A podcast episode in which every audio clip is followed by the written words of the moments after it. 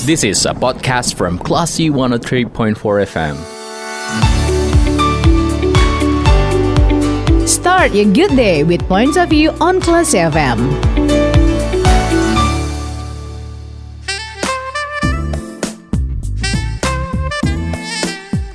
Dari Bumi Kerang Putih Hindarung Padang, 103.4 Kelas FM, this is the actual radio. Assalamualaikum, selamat pagi kelas people. Gimana kabar Anda pagi ini? Semoga sudah dalam kondisi yang baik, siap mengawali aktivitas dan rutinitasnya dengan penuh semangat. Saya tidak mencermati points of view seperti biasa bersama dengan narasumber kita ada Bapak Hinmaidi. Assalamualaikum Pak. Waalaikumsalam warahmatullahi wabarakatuh. Gimana kabar hari ini Pak? Alhamdulillah baik-baik luar biasa.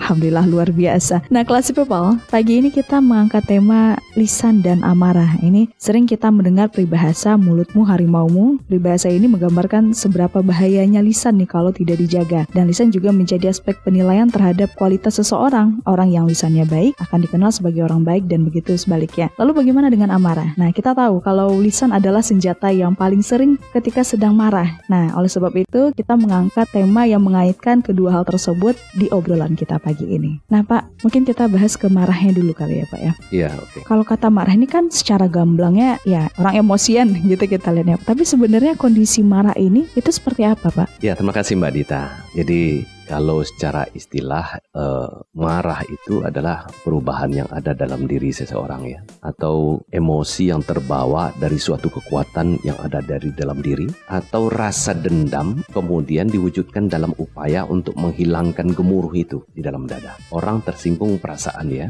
Hmm. maka dadanya bergemuruh, maka akan tampak kemarahan. Marah itu timbul ketika ada perbedaan antara ekspektasi dengan apa yang menjadi kenyataan, sementara yang bersangkutan tidak dapat mengendalikannya. Maka muncullah ya kemarahan itu. Oke, berarti sebenarnya perasaan marah ini normal ya, Pak ya? Suatu hal yang alami sebetulnya, Mm-mm. karena semua orang bisa marah. Yang membedakan orang adalah dia mampu kendalikan diri atau tidak. Hmm. Di responnya ya, kamu membedakan Mm-mm, ya. Benar. Mm. Oke, tapi kalau kita melihat seseorang, kondisi seperti apa nih seseorang ini udah termasuk dalam kategori sedang marah? Kalau yang nampak oleh kita dari orang lain gitu ya, Mm-mm. Oke, jadi orang yang marah itu berusaha untuk menahan atau melampiaskan kemarahan dia.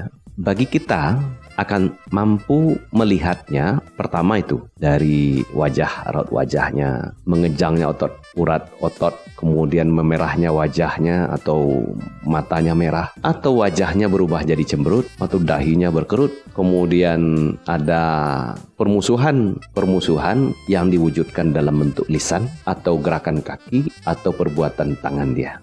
Kemudian ada keinginan dari orang itu untuk membalas membalas musuh, keinginan untuk menyakiti baik dengan lisan ataupun dengan anggota tubuh. Jadi apabila kita lihat seseorang seperti itu berarti dia dalam keadaan marah. Yang paling ringan itu dari raut wajah kelihatan yang mulanya santai, rileks, berubah jadi tegang gitu. Kemudian berkerut keningnya. Seperti itu dapat diduga yang bersangkutan lagi memendam sesuatu di dalam diri dia. Oke, baik Pak. Dan ada juga yang mengatakan ada marah yang terpuji, ada marah yang tercela. Padahal kan kalau kita biasanya perhatiin marah itu biasanya hasilnya sering nggak baik ya Pak ya. Tapi marah yang terpuji dan tercela ini seperti apa Pak? Ya betul. Jadi kalau dalam perspektif agama kita, Hmm. marah itu memang dua macam. Ada marah yang terpuji dan ada marah yang tak terpuji atau tercela. Marah yang terpuji itu adalah kemarahan yang diakibatkan oleh eh, adanya kehormatan yang dilanggar, adanya hak-hak umum yang dilanggar, adanya orang yang dizalimi, maka orang yang menyaksikan dia marah itu adalah suatu marah yang terpuji atau kemarahan dalam rangka membela diri. Misalnya ada maling masuk ke dalam rumah, maka si pemilik rumah marah, maka marahnya itu adalah marah yang wajar. Itu marah yang terpuji.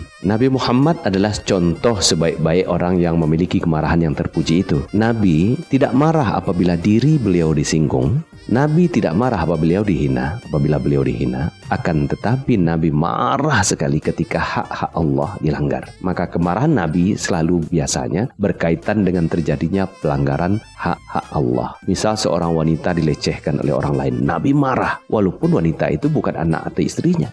Akan tetapi karena hak Allah adalah jaga kehormatan dan martabat wanita. Suatu ketika ada orang Yahudi yang melecehkannya, maka Nabi marah. Kemarahan Nabi itu luar biasa biasa, Nabi kirim pasukan mengepung kampung orang itu. Sampai sebegitunya. Tetapi ketika beliau dilecehkan, diludahi, dilempari pakai batu, pada waktu Nabi ke Taif, itu dilempari pakai batu. Malaikat saja pada waktu itu berkata kepada Rasul, Ya Rasul, perintahkan sesungguhnya malaikat penjaga gunung telah siap untuk mengangkat gunung untuk menghancurkan penduduk kota itu kalau engkau mau. Tinggal engkau perintahkan. Nabi pada waktu itu berjalan nyaris pingsan di mana darah memenuhi tubuhnya sampai ke tumitnya sampai ke terompahnya. Malaikat Jibril datang menawarkan bantuan untuk menghancurkan orang itu. Rasulullah mengatakan tidak sesungguhnya aku berdoa pada Allah. Semoga dari anak cucu mereka nanti akan lahir orang-orang yang bertakwa. Kalau mereka dihancurkan habis tak punya keturunan lagi. Maka Rasulullah ketika diri dia dimarahi, beliau Shallallahu Alaihi Wasallam tidak marah. Akan berbeda ketika hak-hak Allah dilanggar, Rasulullah marah. Itu marah yang terpuji. Dasarnya adalah ada pelanggaran atas hak-hak Allah. Sementara marah yang muncul di luar daripada itu, apalagi diikuti dengan bentuk respon yang tak terkontrol, itu adalah marah yang tercela. Sifatnya adalah usaha untuk membalas dendam demi dirinya sendiri. Berarti seperti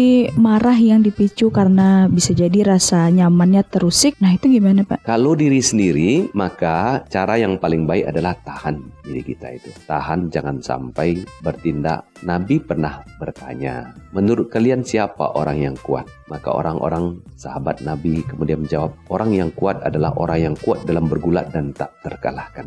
Maka Nabi mengatakan, orang yang kuat bukanlah orang yang kuat dengan bergulat, namun orang yang kuat adalah orang yang mampu mengendalikan dirinya ketika dia marah keamanan kita diusik, kita marah, tapi kita kendalikan diri. Artinya bentuk responsnya bukanlah respons dalam rangka membalas dendam untuk melepaskan sakit hati. Itu Mbak Dita. Kan sering nih Pak di artikel kesehatan misalnya kan dikatakan kalau kayak kita marah, kesal, atau ada perasaan yang tidak menyenangkan itu kan gak boleh dipendam Pak. Nah ini manajemen amarahnya itu seperti apa Pak supaya kesehatan mental kita itu pun juga uh, tidak terganggu. Bedakan memendam hmm. dengan menghilangkan. Jadi orang yang tidak bertindak apa-apa ketika orang berbuat apalah yang tidak menyenangkan pada dia, kemudian dia tidak berbuat apa-apa, tapi pikirannya mengingat-ingat selalu. Yang terjadi adalah dia stres dan beban itu, Mbak Dita ibaratkan ya, kalau kita ang ang angkat sebuah gelas lah ya, gelas kan diangkat tidak berat ya, gelas yang berisi air diangkat ya, bentangkan tangan lalu diangkat begini, kan tidak berat tuh. Tidak berat tuh kan cuman karena kita hanya memegang beberapa detik. Iya. Yeah. Coba pegang gelas itu agak satu jam. Itu menggigil kita itu. Padahal beratnya hanya 300 gram. Begitu juga beban daripada dendam yang ada itu. Jadi ketika kita dilecehkan orang lain atau kita disakiti orang lain, kita tidak berbuat apa-apa tetapi memendamnya ibaratkan kita memegang beban itu berkepanjangan. Maka yang benar di dalam manajemen amarah itu hilangkan dia. Bagaimana cara menghilangkan? Kalau dalam perspektif Islam, marah itu kan seperti bara api Api itu lawannya apa? Air. Jadi kalau seseorang marah, untuk menghilangkan marah, siram dengan air, berwudu. Jadi bukan menyimpan dan memendam, tidak. Dihilangkan dengan cara berwudu. Itu satu. Yang kedua, marah itu adalah sarana setan hmm. untuk menggelincirkan manusia supaya manusia bertindak sesuai dengan yang diinginkan setan yaitu melampaui batas. Maka Nabi mengajarkan meminta perlindunganlah kepada Allah dari godaan setan yang terkutuk. Baca A'udzubillahi minasyaitonirrajim. A'udzubillahi minasyaitonirrajim. Supaya setan tidak numpang di kemarahan itu. Ada dua ya? Iya. Yang ketiga, ganti posisi. Kita lagi marah nih. Energi mesti tersalurkan. Hmm. Karena itu ganti posisi. Berdirilah. Ketika sudah berdiri masih marah juga, berjalanlah. Atau ketika marah dalam berdiri, duduklah. Kalau tidak, berbaringlah ganti posisi. Dengan demikian ada rilis nanti dari kemarahan itu. Ada tiga ya. Yang keempat, diam, diam saja. Yang kelima, kemarahan itu membuat kita berpikir harga diri saya di, dilecehkan. Kita merasa bahwa kita yang seperti ini masa direndahkan oleh orang lain. Maka rendahkanlah kepala itu.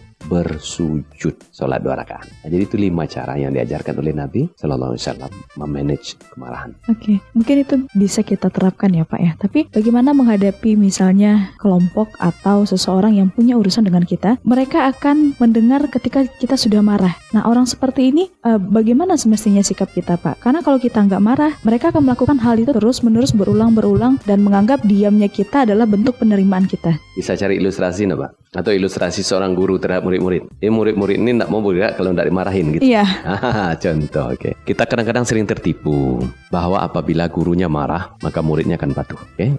Bayangkan situasi seorang guru yang pemarah masuk ke kelas, tiba-tiba anak semuanya diam dan patuh. Kira-kira senang nggak kita melihatnya? Diam dan patuhnya anak itu kenapa? Karena hormat atau karena takut? Takut. Takut. Jadi reaksi dari takut itu adalah mereka diam, takut kena marah. Begitu gurunya keluar, mereka mencibir dari belakang. Itu satu. Yang kedua, anak-anak lagi dalam kelas, mereka meribut, bermain dan lain-lain. Tiba-tiba datang guru, guru yang sopan, lembut. Tiba-tiba anak diam semuanya. Kenapa mereka diam? Karena takut atau karena segan? Mana segan? Segan. Karena hor, hormat. Pilih yang mana? Karena hormat Pak. Nah, begitu. Jadi, tak seharusnya kita pasang asumsi bahwa orang baru mau mendengarkan kalau dimarahi. Orang mau mendengarkan ketika orang merasa bahwa yang mau berbicara ini patut didengarkan. Karena itu pertinggilah martabat. Bagaimana cara mempertinggi martabat? Jaga sopan, santun, arif, bijaksana, sabar menghadapi, empati dengan kesulitan-sulitan mereka, jujur kita setiap saat, bertanggung jawab kita terhadap tugas-tugas kita, dan kita lakukan itu semua dengan ikhlas. Kalau kita menjadi sosok yang seperti itu, kita ngomong dikit, orang diam dan dengarkan. Bukan karena takut, tapi karena hormat dan segan. Tinggal pilih.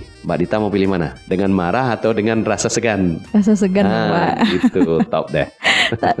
Oke, tapi itu kan biasanya lebih cocok atau lebih relate itu pemimpin biasanya ya Pak ya, Hmm. pemimpin dengan bawahan. Misalnya kalau posisinya dibalik Pak, Mm-mm. kelompok yang misalnya mereka terbatas dalam segi kuasa, Ya. terus merasa bahwa apa yang mereka terima perlakuan dari atasan itu sudah kurang pas lagi antara patut dan pantasnya, dan ketika penolakan biasa itu tetap berjalan kondisi itu dan kadang ada titik seperti timbul perdebatan baru akhirnya dipertimbangkan pemikiran dari eh, anggotanya. Nah ini seperti apa Pak? Kalau berargumen itu kan persoalan lain. Hmm, Ya, berbeda cara pandang itu kan persoalan lain. Akan tetapi dalam suasana kalau kita kembali kepada ilustrasi yang tadi, Hmm. mungkinkah seseorang yang tidak punya kuasa didengarkan? Sangat mungkin. Ketika orang yang tidak punya kuasa, orang yang tidak punya jabatan yang tinggi itu dikenal sebagai orang yang punya integritas, atasannya pun segan pada dia. Saya punya ilustrasi menarik nih, Mbak. Di suatu kampus ada mahasiswa baru.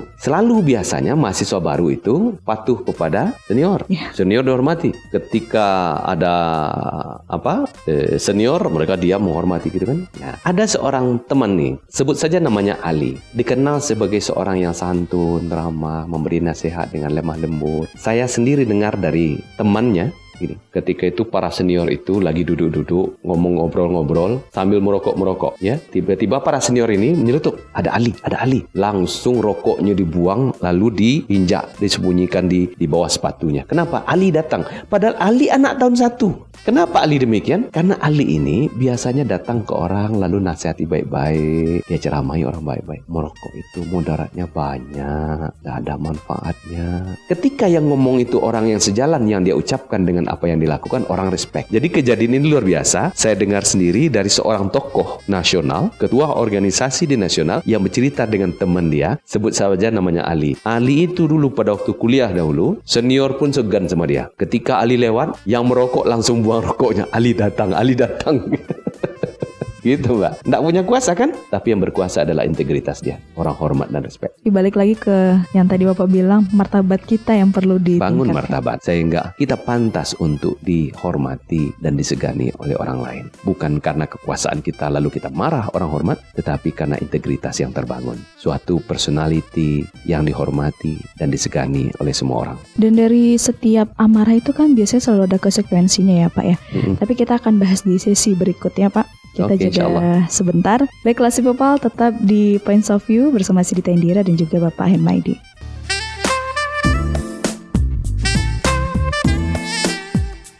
103,4 Kelas FM, this is the actual radio. Kelas People Anda masih mencermati points of view bersama saya Dita Indira dan juga Bapak Henmaidi. Pagi ini kita mengangkat tema lisan dan amarah. Tadi sudah dijabarkan oleh Bapak seperti apa amarah, ilustrasinya juga. Dan memang lisan dan amarah ini mungkin hampir setiap kita setuju pernah mengalaminya dan emang berat untuk menghindari amarah yang tidak bisa terkendali dan itu emang tantangan yang besar. Dan yang namanya lisan yang kita keluarkan itu biasanya adalah konsekuensi dari amarah yang kita alami gitu. Lalu bagaimana nih Pak cara agar kita bisa menjaga lisan ini walaupun amarah kita sudah tidak terbendung? Lisan ini suatu yang unik sekali karena kita full control terhadap lisan kita ini dan uniknya ini seperti eh, Nabi pernah menyampaikan begini dalam hadis Bukhari ya artinya begini sungguh ada seorang hamba berbicara dengan satu kata yang mengundang ridhonya Allah meskipun dia tidak terlalu memperhatikannya. Namun dengan kalimat satu kalimat itu Allah naikkan dia beberapa derajat. Betul ya? Berikut sungguh ada seorang hamba berbicara dengan satu kalimat dan mengundang kemarahan dan muka-mukaan Allah. Sementara dia tidak memperhatikannya. Dan dengan sebab satu kalimat itu dia terjungkal dalam neraka jahanam. Jadi kalimat dapat membuat orang naik beberapa derajat karena Allah ridha. Dan satu kalimat dapat membuat orang terjungkal di neraka jahanam. Jadi sangat tajam dan sangat berbahaya baik bagi diri kita ataupun bagi diri orang lain. Nah itu adalah uniknya lisan itu.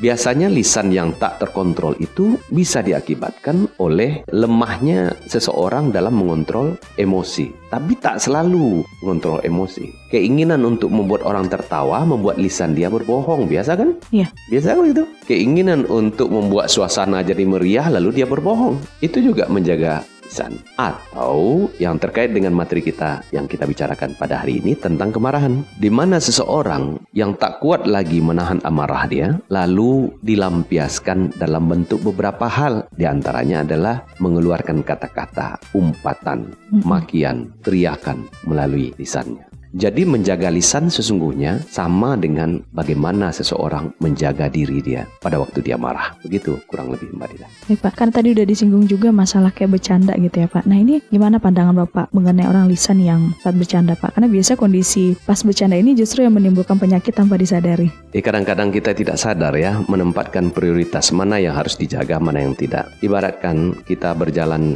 di tebing. Jauh dari tebing itu daerah yang aman. Pas di tebingnya daerah yang berbahaya. Di antaranya itu ada wilayah yang boleh jadi rawan longsor dan sebagainya. Orang yang biasa berjalan di pinggir-pinggir yang miring itu, suatu ketika dia akan tergelincir masuk ke dalam jurang dia masuk dalam bahaya. Orang yang menjaga diri dia dari wilayah yang miring itu, sesungguhnya dia menjaga diri dia. Dalam hal lisan juga demikian. Candaan-candaan, kalimat-kalimat untuk membuat orang tertawa, atau apa pun bentuknya, itu adalah ibaratkan kita berjalan di pinggir-pinggir jurang. Kita akan mudah tergelincir. Maka ketika kita mudah sekali untuk mengungkapkan sesuatu, tak menjaga lisan, hanya dengan berharap orang tertawa dan menganggap kita sebagai orang yang ceria, bisa diajak untuk bercanda dan sebagainya, lalu kita mengeluarkan kebohongan atau sesuatu yang tidak benar. Pada dasarnya itu termasuk dalam kategori orang yang tidak mampu mengendalikan dirinya sendiri atau tidak paham konsekuensi daripada setiap ucapan. Jadi tak mudah memang Mbak Dita. Kemampuan menjaga lisan itu pada dasarnya berkaitan dengan hati yang lurus dan hanif. Oke, tapi kan sens humor itu tetap dibutuhkan, Pak. Nabi Muhammad suka bercanda tapi tak pernah bohong dalam candaannya. Ada nih jaminan Allah untuk orang yang berkaitan dengan lisannya. Rasulullah SAW pernah bersabda dari Abu Umamah Al-Bahili, ia berkata, telah bersabda Rasulullah SAW, Aku menjamin sebuah surga di bagian bawah bagi siapa yang meninggalkan perdebatan sekalipun dia benar. Satu. Yang kedua, dan aku menjamin sebuah rumah di bagian tengah bagi siapa yang meninggalkan kebohongan sekalipun ia sedang bergurau. Dan yang ketiga, aku menjamin sebuah surga di bagian atas bagi siapa yang mulia akhlaknya. Tiga jaminan surga. Yang pertama, untuk surga bagian bawah bagi siapa yang meninggalkan perdebatan walaupun dia benar. Orang itu salah, dia menghindar saja. Yang kedua tadi meninggalkan kebohongan walaupun sedang bergurau. Pertanyaan Mbak Dita tadi itu berkaitan dengan yang nomor dua ini. Iya. Pengen surga bagian tengah tidak? Nabi Muhammad suka bercanda dan bergurau tapi tidak bohong. Candaannya adalah canda yang benar. Seorang nenek-nenek datang kepada ya Rasulullah. Ya Rasulullah, apakah aku bisa masuk surga ya Rasulullah? Apa kata Nabi? Di surga nggak ada nenek-nenek. Nenek itu menangis dia. Kenapa engkau menangis wahai nenek? Berarti aku tak masuk surga? Enggak, bukan begitu. Nanti engkau kembali jadi orang yang muda di dalam surga itu. jadi Nabi tidak bohong, tapi bercanda. Iya, iya. Oke, baik, Pak. Dan perdebatan tadi juga walaupun kita benar, lebih baik kita tinggalkan ya, Pak. Lebih baik tinggalkan perdebatan. Walaupun orang itu mengatakan satu tambah satu sama dengan lima, mati-matian dia mempertahankan kesalahannya itu. Tinggalkan sajalah, ya udahlah. Tapi perdebatan ini ada excuse-nya kan, Pak? Maksudnya ketika perdebatan itu dibutuhkan kayak pilgub, kayak pilkada atau kayak orang yang menjadikan memang perdebatan itu sebagai konten untuk eh, mata pencariannya. Bedakan antara berargumen dengan berdebat. Hmm. Kalau berdebat itu orang akan mempertahankan posisi dia walaupun salah. Kalau berargumen, ketika argumen orang lain ternyata benar, ya sudah di- Terima. diterima. Kalau berdebat kan tidak mau kalah. Iya. Kayak orang perang kan? Iya. Oke, baik, Pak. Dan sebenarnya supaya kita lebih gampang mungkin ya, Pak ya untuk berhati-hati menjaga lisan, apa saja bahaya di balik lisan kita semestinya yang perlu kita khawatirkan, Pak? Oke. Misal ya, saya kasih ilustrasi. Coba misalnya ambil satu lembar papan kayu ya. Hmm, kemudian beberapa paku iya. dan palu. Setiap kali kita marah, lalu kemarahan itu kita lampiaskan dengan memaku dan memukul paku di di papan itu ya. Kalau marahnya dikit, pukul dikit aja. Kalau marahnya banyak, pukul lebih keras. Kalau marahnya tidak hilang-hilang juga, pukul terus. Jadi bentuk kemarahan itu dilampiaskan dalam bentuk memukul paku. Kan rilis kan? Kemarahannya rilis kan? Sampai akhirnya paku-paku yang ada itu udah tertanam semua. Ada yang tertanam, ada yang tertancap sebagian, ada yang di ujungnya saja, ada yang sampai terbenam. Bayangkan bahwa paku itu adalah bentuk aksi kita dalam bentuk lisan. Kita memaki orang, memarahi orang, menghardi orang dikarenakan kemarahan. Kadang-kadang kan kita tidak sadar itu. Setelah waktu berlalu baru kita sadar. Oh ternyata ucapan saya tadi menyakiti orang lain. Bagaimana solusinya kalau gitu mbak? Minta maaf kan? Maaf. Oke, kalau pakunya itu cuma terbenam dikit aja, dengan digoyang sedikit pakunya, copot kan? Iya. Oke, kalau tadinya kita makunya keras, dia terbenam separuh, gimana cara mengungkitnya? Lebih lebih susah ya? Lebih susah. Lebih susah. Berarti apa? Ketika kata-kata yang keluar gak akibat marah itu semakin mengandung kemarahan dan menyakiti orang, ibaratkan paku itu terbenam separuh. Ketika kata-kata itu betul-betul kasar, sehingga ibaratkan kita memukul paku itu berulang-ulang, sampai akhirnya pakunya terbenam. Coba, gimana cara minta maafnya? Berat kan? Dicongkel dahulu, dipukul dari bawah dan sebagainya. Akhirnya apa? Kita tahu bahwa ketika kata-kata kita itu menyakiti orang lain, payah kita dan susah untuk memperbaikinya. Berarti kalau banyak kata-kata itu yang terlontar akibat kemarahan dan tak terkontrol, ibaratkan banyak paku yang tertan tertancap. Bagaimana cara menghilangkannya? Tentu dibongkar satu-satu. Kalau semua dengan cara apa? Minta maaf kan? Dengan cara apa? Minta maaf. Kita bongkar satu-satu. Nah, kalau seluruh paku itu sudah lepas dari papan, apakah kita sudah lega? Lega enggak? Sudah ya? Sudah. Cuma bagaimana? Bekas. Papannya ya. udah berlubang. Gimana cara memperbaiki lubang itu? Orang mungkin di mulut dia memaafkan, tapi lubangnya dalam tuh. Hatinya gimana cara ngobatinya? Sekalipun kita telah minta maaf, seluruh paku telah kita cabut, tapi bekas-bekas tancapan paku itu telah merusak papan. Begitu bahayanya kalau kita tidak mengontrol lisan kita itu. Oke, dan ini harusnya terus teringat ya Pak ya, ketika eh, amarah ini sudah mulai menguasai kita, balik Mm-mm. lagi kondisinya. Mm-mm. Gimana kalau eh, ini sudah terjadi? Mm-mm. Apa dampaknya gitu ya Pak? Eh kan terjadi hukum sebab akibat tuh Mm-mm. dan terjadi hukum kekekalan energi ya. Kemudian terjadi juga seperti ini. In ahsantum ahsantum di anfusikum wa in asatum falaha. Setiap kebaikan yang kita lakukan akan kembali lagi kepada kita. Setiap keburukan yang kita lakukan juga akan kembali kepada kita. Jadi apabila kata-kata lisan itu merupakan keburukan, keburukannya akan kembali lagi. Hidup tak tenang, tidur tak nyaman, terasa terus dalam hati. Hati dapat membedakannya. Gimana kalau seandainya hati tak lagi merasa apabila sudah memaki orang, hati tenang-tenang saja. Hati-hati, jangan-jangan hati itu sudah seperti batu. Dan hati batu itu adalah kutukan dari Allah, yaitu ketika orang itu merupakan orang munafik sehingga hatinya sudah menjadi kasar, tak lagi mampu membedakan antara yang hak dengan yang batil. Hatinya sudah keras seperti batu, bahkan lebih kesat lagi daripada itu. Hati-hati itu. Berarti kalau kita ketemu dengan orang yang begini, kita yang harus mengendalikan diri ya Pak ya? Hindarkan. Tidak memaksa mereka untuk mengerti kita. Hindarkan saja. Hindarkan saja. Hindarkan perdebatan walaupun kita benar. Oke baik Pak. Baik kelas people, ini bisa menjadi pegangan kita ya menyadari bahayanya kalau tidak menjaga lisan dan pasti juga akan ada kebaikan yang akan kita dapat ketika kita sudah menjaga lisan. Kita akan gali apa saja.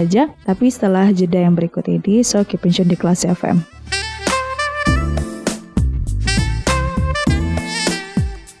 103,4 Kelas FM, this is the actual radio. Kelas People kita sudah di sesi terakhir dalam program Points of View hari ini. Sudah banyak kita bahas bersama Bapak. Bapak sudah banyak kasih ilustrasi terkait dengan lisan dan juga amarah. Hal yang sangat dekat dengan keseharian kita dan sulit juga untuk benar-benar merealisasikannya karena ini berat dan itu namanya tantangan kalau nggak berat ya Pak ya. Dan tadi sudah dikasih gambaran juga bahaya apa yang harus kita sadari ketika kita tidak menjaga lisan ya Pak ya di balik bahaya tentu ada kebaikan juga gitu Pak. Nah, kebaikan apa juga nih Pak yang harus kita sadari kita ketika kita sudah menjaga lisan supaya ini menjadi motivasi kita untuk tetap memperbaiki dan meningkatkan kualitas kita gitu Pak. Makasih Barita. Jadi apa kebaikan apabila kita menjaga lisan kita? Dari hadis yang kita baca tadi, kebaikannya adalah apabila kita meninggalkan perkataan-perkataan yang tidak berguna. Apabila kita meninggalkan perdebatan walaupun kita benar. Apabila kita tidak mau berbohong sekalipun kita sedang bergurau pahalanya kan surga. Ya.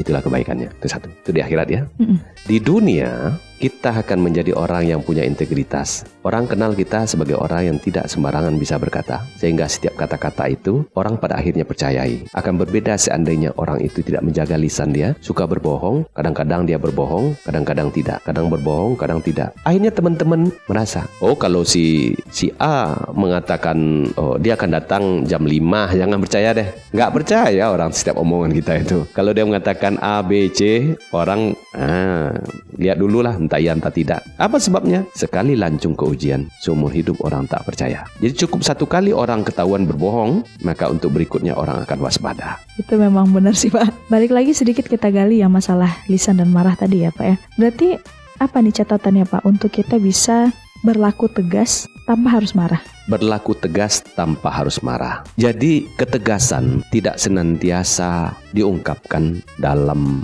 kata-kata atau lisan, tapi sikap dan perilaku. Kuat dalam berprinsip, jujur dalam bersikap, benar dalam berkata. Kalau yang seperti itu sudah jadi pakaian kita sehari-hari, maka pada akhirnya orang pun akhirnya tidak mau bermain-main dengan orang yang punya sosok seperti itu. Dia hanya akan serius saja, serius dalam pengertian apa? Tidak melenceng-melenceng begitu ya. Apabila seseorang mampu menjaga lisan dia, maka pada akhirnya setiap perkataan dia nanti akan didengarkan oleh orang lain dan berdampak. Dia tidak asal ngaco, dia tidak asal ngomong. Sedikit kata dia disimak oleh orang lain, maka dia akan diikuti oleh orang lain. Orang yang seperti ini, kalau kita bisa menjadi orang seperti itu, masya Allah itu luar biasa. Tenang hidup di masyarakat, senang dalam keluarga. Kenapa? Tanpa harus marah, cukup dengan mengatakan sedikit orang ngikut. Kenapa? Orang segan dan melihat integritas dari yang berbicara. Jadi luar biasa itu Mbak apabila kita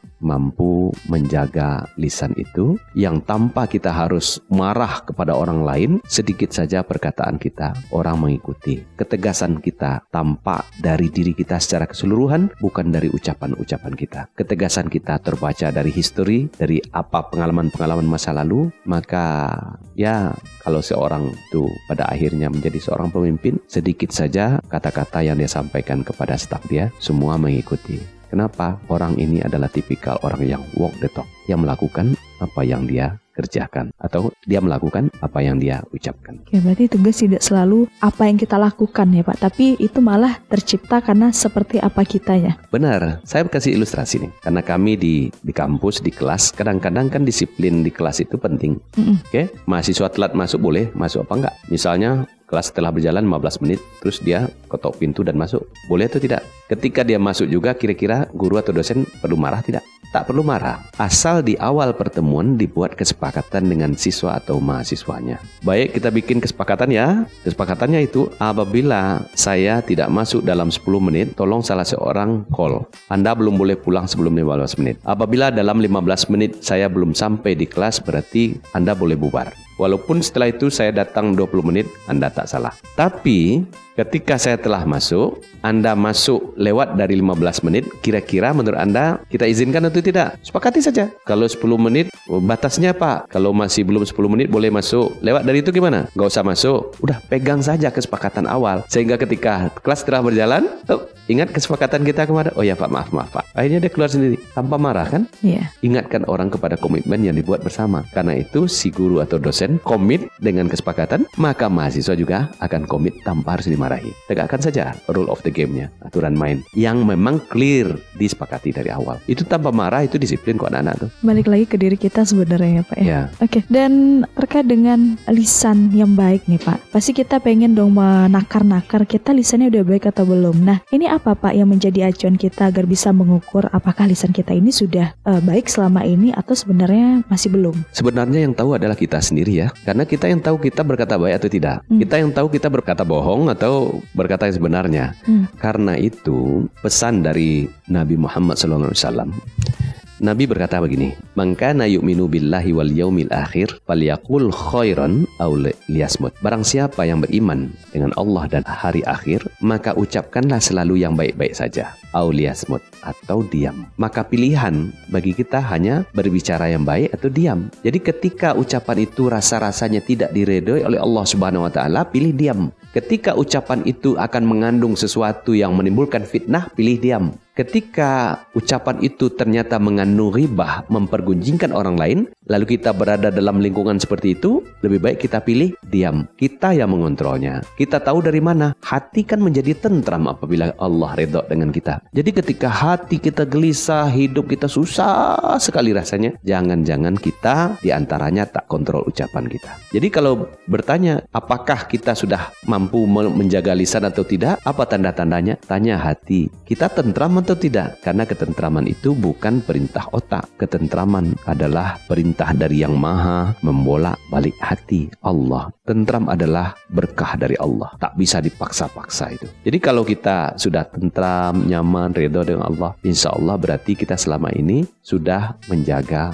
apa-apa yang dilarang. Termasuk di antaranya lisan. Jadi bukan orang lain yang bisa menilainya. Yang bisa menilainya adalah diri kita sendiri. Apakah kita udah tenang hidup apa enggak? Tapi kadang kita terkelabui oleh rasa kita sudah benar dan misalnya kita menasehati atau menegur seseorang karena kita merasa sudah benar. Tapi ternyata orang yang menerima nasihat atau teguran kita justru di belakang kita merasa sakit hati dengan cara penyampaian kita yang tidak terterima oleh mereka. Nah, ini bagaimana, Pak? Itulah yang dikatakan sebagai empati. Orang yang empati menempatkan diri dia pada posisi lawan berbicara, lalu dia mengucapkan sesuatu yang berdasarkan empati itu tak akan menyinggung. Orang yang tak punya empati, dia hanya fokus pada diri dia sendiri tanpa peduli orang yang dia lawan bicaranya akan tersinggung atau tidak. Berarti dia tak punya empati. Maka pertajamlah empati. Tempatkan diri kita pada posisi lawan berbicara itu. Dan itu butuh latihan.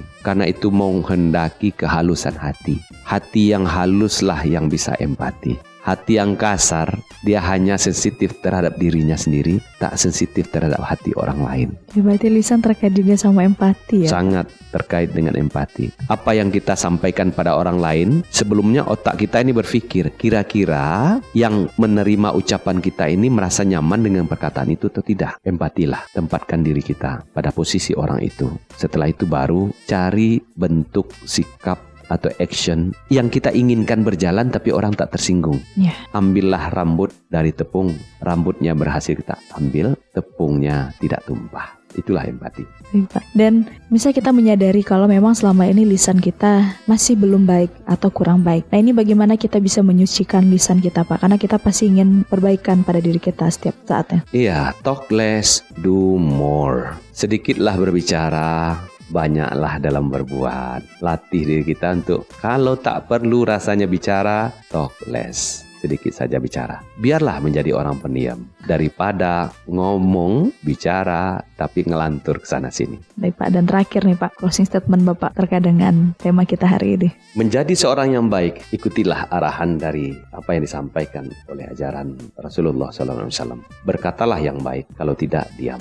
Ketika berada dalam keadaan yang berbeda dan timbul perdebatan, ingatlah perdebatan hanya akan membuat gaduh, adu opini tanpa solusi. Perdebatan pada akhirnya akan berujung kepada keburukan seperti mengadu domba, menfitnah dan perilaku buruk lainnya. Setiap perkataan kita akan kita pertanggungjawabkan di dunia dan akan kita pertanggungjawabkan di akhirat. Berlaku hukum kekekalan energi. Setiap perkataan baik adalah energi positif yang akan kembali kepada kita. Setiap perkataan buruk adalah energi negatif akan kembali kepada kita. Talk less, do more.